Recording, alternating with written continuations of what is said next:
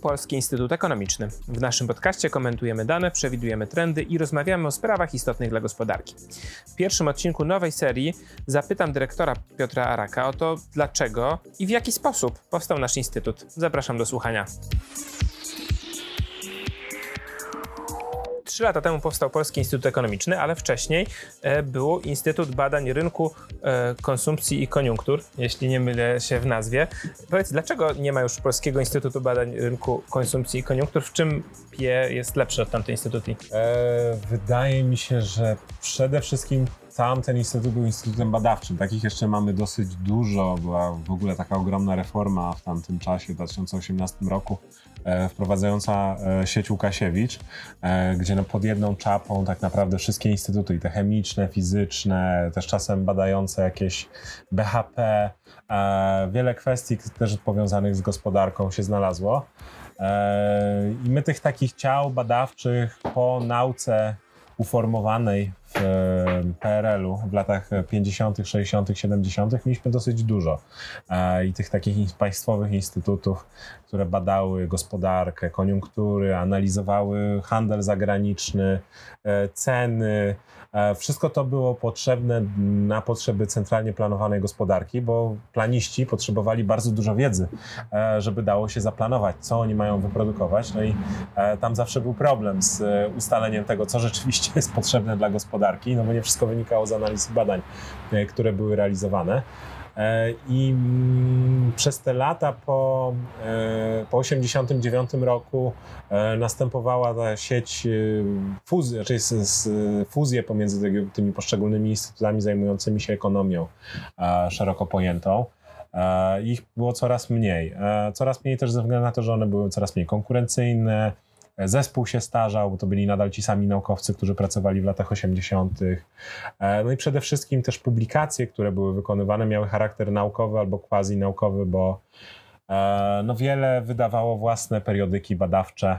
E, różnej jakości były te publikacje, miały mały impact taki na zarówno naukowy, były rzadko, rzadko cytowane poza instytucjami, które wydawały publikacje, a też no nie niosły za sobą aż tak dużej wartości dodanej na naszej wiedzy o, o polskiej gospodarce.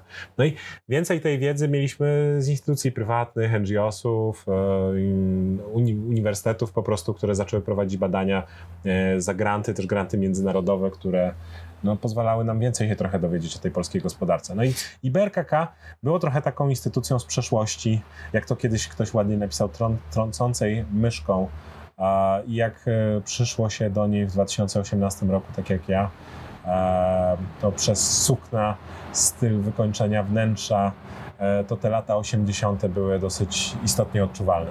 No właśnie, bo mówisz, że e, za czasów ustroju słusznie minionego w latach 80. E, rolą Instytutu było zaopatrywanie, jak rozumiem, władzy państwowej, także władzy, nad, która pełniła kontrolę nad gospodarką, zaopatrywanie w wiedzę. I rozumiem, później ta rola zmieniła się, tak jak mówisz, w rolę, w rolę naukową, czyli czy można powiedzieć, że jakby pierwotną misją instytutu, bo tak jak mówisz, to, to były dwa instytuty, one się łączyły, zmieniały nazwy, e, że jakby cel, do którego po, były powołane, no po, po, na, na początku to było właśnie zaopatrywanie de, decydentów w wiedzę i w pewien sposób Polski Instytut Ekonomiczny wraca do tych tradycji. Czy ja to dobrze rozumiem? E, tak, no kiedyś e, w ogóle jak powstawał pierwszy Instytutem Koniunktur z 1928 roku, jeszcze przed wojną, e, bo to tradycja tych instytutów badających cykle gospodarcze i cykle koniunkturalne jest dosyć długa, no właśnie do tego służyła, to znaczy co robić, jak planować gospodarkę, nie wiem, na ile duży był impact tego na, na politykę publiczną okresu 30-lecia. Wiemy, że ta polityka gospodarcza była średnio udana wtedy, ale y, w, w PRL-u też bym nie, nie wieścił wielu sukcesów, ale tak, no, chodziło o to, żeby dać więcej wiedzy. Przewinęły się też wtedy przez te różne instytucje szereg później znanych postaci z pierwszych stron gazet, y, ministrów, nie wiem, e, liderów biznesowych, wybitnych naukowców. No i później trochę ta, ta, ta instytucja no właśnie podupadła. Dzisiaj y, Polski Instytut Ekonomiczny zajmuje się właśnie dostarczeniem wiedzy, analityki. Ja to trochę tak widzę w połączeniu, tak jak widzimy, czym się zajmuje Główny Urząd Statystyczny. Główny Urząd Statystyczny zajmuje się dostarczeniem danych w treściach raportów czy publikacji, które, które przygotowuje Główny Urząd Statystyczny, no nie znajdziemy takich wniosków, które będą informować decydenta, co zrobić, jaką decyzję podjąć. Nie będą pomocne na przykład tak bardzo dla dla biznesu, który sam nie potrafi analizować danych opublikowanych przez GUS. A nasza rola jest trochę inna, to znaczy my jesteśmy w stanie przeanalizować jakieś obszary, znaleźć, nie wiem, albo rynki perspektywiczne dla polskich firm eksportujących albo chcących eksportować. Jesteśmy w stanie zastanowić się, mm, jak polityka klimatyczna będzie wpływać na polską, polską gospodarkę, nie wiem, polskie społeczeństwo, ale też inne e, społeczności.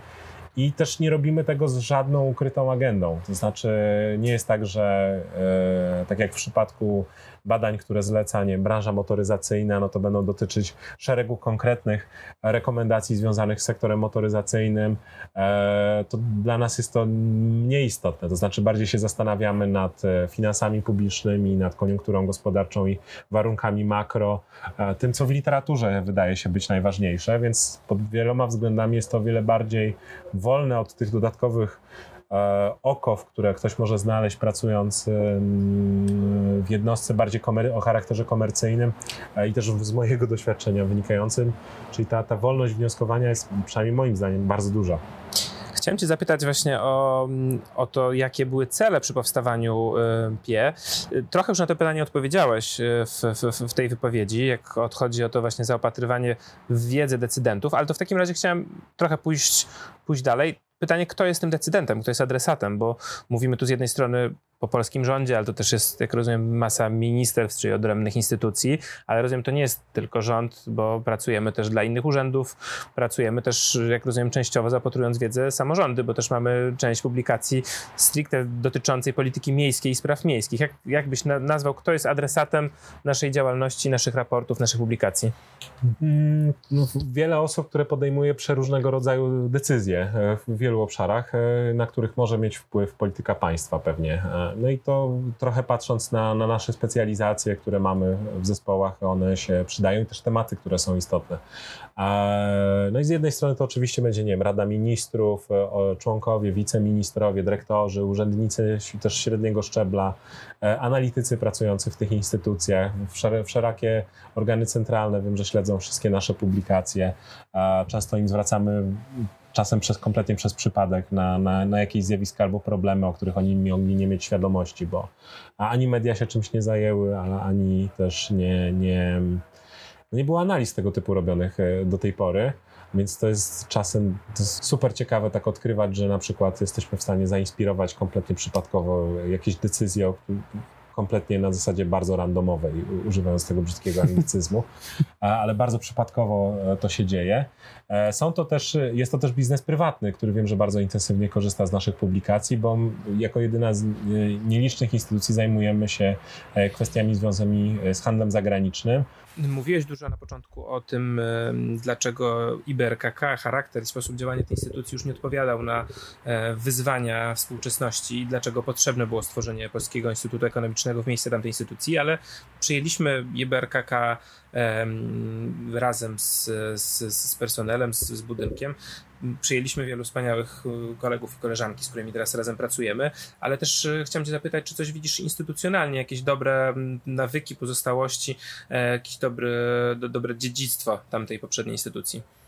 Na pewno w przypadku IBRKK było tak, że e, wśród pracowników była ogromna miłość do tematów, którymi się zajmowali, czyli zarówno koniunktury, zarówno wiem, handlu zagranicznego, e, bardzo wąskie często specjalizacje i e, często nieodkryte talenty nawet do opowiadania na, ten same, na te same kwestie, ale tak, żeby więcej ludzi się trochę dowiedziało zarówno o samym zjawisku, jak i, jak i a o nich nawet, tak? Czyli o tym, że jest ktoś taki, kto poświęcił pół życia albo całe życie tak naprawdę na zgłębienie e, kwestii związanej z wymianą handlową Polski i okazuje się, że prawie nikt o nim nie słyszał poza jakimś wąskim gronem, gronem specjalistów. To było dla mnie e, fascynujące i na pewno ta rzetelność analiz, bardzo naukowe podejście, które u wielu ludzi udało nam się przekuć na to, żeby też pisać trochę bardziej przyjaźnie dla czytelnika, bo w dzisiejszych czasach no właśnie osoby, które chcemy, żeby czytali i korzystali z tej wiedzy, raz, że mają mało czasu, raz, że mają mało, nie mają często też wiedzy ekonomicznej, nie mają wystarczającego wykształcenia backgroundu, też użyję brzydkiego anglicyzmu, który by umożliwiał im e, wykorzystanie czysto naukowej pracy. E, I to są bardzo fajni ludzie. I e, to, to jest ogromne odkrycie takie z, z dziedziny właśnie change management w sektorze publicznym. To znaczy, że są takie nieoszlifowane diamenty, które można wykorzystać, nauczyć trochę czasem nowych rzeczy, nauczyć się od nich e, wielu rzeczy, których ja nie wiedziałem do tej pory i że Pewnie w wielu instytucjach, które przez właśnie kilkadziesiąt lat nie, nie uległy dużym reformom, nawet właśnie po, e, od PRL-u, bo takie też są w Polsce, to e, pewnie można by było e, dużo ciekawego, nowego ducha właśnie robiąc miks zarówno osób, które mają i więcej niż 50 lat, często więcej niż 60 lat, zatrudniając osoby, które mają 20 parę lat, a znajdując właśnie zarówno menedżerów na średniego szczebla, też w różnym wieku i zrobić po prostu taką miksturę, która fajnie działa. I mi się wydaje, że w przypadku naszego zespołu, tak wewnętrznie z pracy z pracownikami, to daje dużą satysfakcję. I też pokazuje to, co ja, czego prywatnie jestem zwolennikiem i też e, publicznie o tym mówię, czyli że zarządzanie różnorodnością ma sens. To znaczy, że większa, e, większa różnorodność w przypadku zespołów e, naprawdę się sprawdza. I bardzo dużo biznes i sektor publiczny robi sobie krzywdy, krzywdy przez to, że zatrudnia ludzi, którzy są albo tylko młodzi, albo tacy sami po jednej uczelni, a taka różnorodność sprawia, że, że, że po prostu jest fajnie się z kimś pracuje, ale jednocześnie też efekty są kosmiczne, to znaczy, że można uzyskać naprawdę świetne świetne wyniki, nawet bardzo się nie męcząc przy tej okazji, mam nadzieję przynajmniej, ale, ale, ale to, robi, to robi robotę. Bo tu warto powiedzieć, jak rozumiem, różnorodność płci, różnorodność wieku, różnorodność doświadczenia, rozumiem, nawyków pracy. I różnorodność poglądów. E, mamy zespół, który jest bardzo heterogeniczny, jeżeli chodzi o to, o myślenie o świecie, o tym, co, e, co państwo, jaka jest rola państwa. E, część osób bardziej głośno o tym mówi, część mniej. Są osoby, które no właśnie i to, to, o czym powiedziałeś, czyli że jest bardzo dużo i kobiet, i dziewczyn, i chłopaków, i starszych mężczyzn, i osób z różnym doświadczeniem, pochodzącym z NGO-sów, z organizacji pozarządowych, z biznesu, z sektora publicznego, z urzędów, z nauki.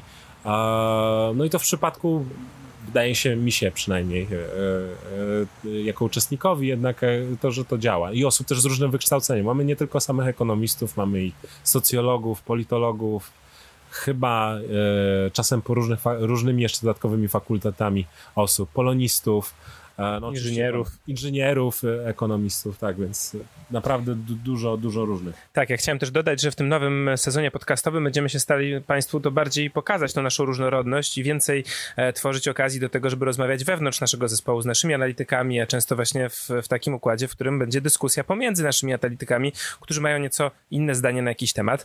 E, mówiłeś dużo właśnie o, o tej zmianie, o tym change management. Mm, no to chciałem Cię zapytać, zbliżamy się powoli do końca, twoje e, rady w tym zakresie, bo z moich obserwacji, e, chociaż takich instytucji jak nasza pewnie dużo w Polsce nie ma, to instytucji sektora publicznego jest masa, sektora samorządowego również masa i to jest chyba częste wyzwanie, przed którą stoją osoby, które próbują wejść w tą nową rzeczywistość, żeby wchodząc w jakąś taką starą strukturę, która miała służyć kiedyś do czegoś innego, ale pozostała w jakiejś formie, w jakimś układzie personalnym, z jakimiś już nieaktualnymi zadaniami, próbuje je zmieniać i często zderzają się taką ścianą, bo trochę nie wiedzą od czego zacząć, e, właśnie od zmiany, jak zmienić tą kulturę organizacji, jak zmienić personel, jak zmienić zadania. To jest bardzo dużo rzeczy naraz. Co ty byś poradził, w jakiej kolejności za to zabrać, jak stworzyć takiego nowego ducha zespołu, nową kulturę organizacyjną?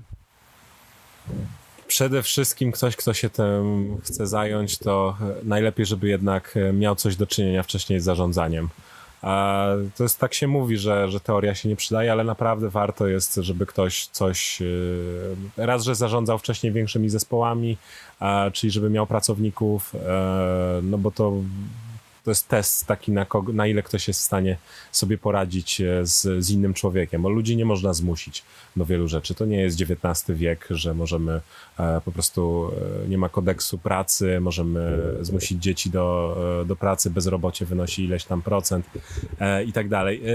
Więc to jest, to jest dosyć ważne, więc trzeba nauczyć się narzędzi, które ma do dyspozycji menedżer, do tego, żeby, żeby w ogóle wejść w taką rolę. I na, tak naprawdę w Polsce, w sektorze publicznym, wydaje mi się, że nie ma w ogóle instytucji, która by do tego przygotowywała. Stąd jest tak bardzo dużo porażek. I ja tego się nie boję powiedzieć, że bardzo wiele instytucji, które jest, jest modyfikowanych, zmienianych, zmienia się ich, też próbuje się zmienić kulturę organizacyjną, tak naprawdę kończy się e, to porażką. To znaczy, że jakaś instytucja sobie dalej nie radzi. No bo nie, nie udało się komuś, kto wchodzi do wnętrza, zmodyfikować kodu kulturowego instytucji, która jest na przykład była urzędem e, albo no, po prostu jakąś agencją samorządową. I to jest, to jest dosyć problematyczne. E, jeżeli nie da się zmienić kodu kulturowego i też wypracować własny, no to to, to instytucja dalej pozostaje zwykłym urzędem, a urzędy, no, jakie są, to wiele osób widzi, i to jest bardzo trudne, więc e, oprócz, oprócz znalezienia pracowników, to umiejętność wypracowania tych wewnętrznych norm, które mam nadzieję, że są w przypadku naszej instytucji są dłuższe niż leadership, który w niej jest i że to będzie trwało dłużej. Ale właśnie, czy czujesz, że to się udało już ukształtować e, w PIE, czy jesteśmy ciągle na drodze do jakiegoś ukształtowania się na stałe tej instytucji? Ze względu na to, że mamy relatywnie niski wskaźnik e, zmiany kadrowych, e, w sensie oprócz jakichś e, takich, e, jest on jest bardzo niski dla, dla nas, jak dla tego sektora i w ogóle dla firm, które na rynku prywatnym w podobny sposób działają i urzędów, które, e, które są. Więc ten turnover rate, e, czyli zmiana liczby pracowników jest u nas relatywnie niska w stosunku do całej populacji e, pracowników ja to odbieram jako sukces, bo zawsze jeżeli jest bardzo wysoka rotacja, to oznacza, że coś się dzieje niedobrego w danej firmie albo mm, czegoś ktoś nie uchwycił. Czyli jeżeli chcemy ze sobą pracować, to znaczy, że jest całkiem nieźle. No oczywiście ja to tak oceniam, to jest jakiś wskaźnik ilościowy. Eee, czy to na powiedzmy za kolejne 3 lata, czy za rok będę, będę w stanie e, powiedzieć to samo. Zobaczymy. E, ale wydaje mi się, że mamy jakąś e, kulturę korporacyjną. Ona jest trochę inna niż, niż w innych sektorach. Na pewno nie jesteśmy urzędem. E, robię wszystko, żeby nikomu się nie wydawało, że, że będąc państwową osobą prawną jesteśmy urzędem. Wydaje mi się, że też, bo nim nie jesteśmy, też mamy inne kultury, wydaje mi się, w kontaktach z innymi podobnymi placówkami, czyli jak patrzymy na Ośrodek Studiów Wschodnich, czy Polski Instytut Stosunków Międzynarodowych, ja widzę różnice pomiędzy naszymi pracownikami, zespołami, sposobem zarządzania, e, efektami pracy, więc też wydaje mi się, że jednak jak jeżeli się różnimy od instytucji, które są tak do nas podobne, to znaczy, że, e, że, że jednak coś nas różni. Ale oczywiście tutaj na koniec warto dodać, że nie chodzi o różnienie się na plus czy na minus, czy tylko po prostu nieco inny kod DNA tej organizacji, tak żeby też nie, nie, nie, nie wyszło, że tak się wszystkie są sobie równe. No, bardzo Ci dziękuję za rozmowę. E, moim i Państwa gościem był dzisiaj nasz dyrektor Piotr Arak. E, a tak jak mówiłem w tej, w tej serii, w tym, w tym sezonie będziemy chcieli troszkę więcej rozmawiać w, w gronie e, naszych analityków, więc mam nadzieję, że Piotra jeszcze Państwo usłyszycie w najbliższych tygodniach. Dzięki, do usłyszenia. Dziękuję bardzo.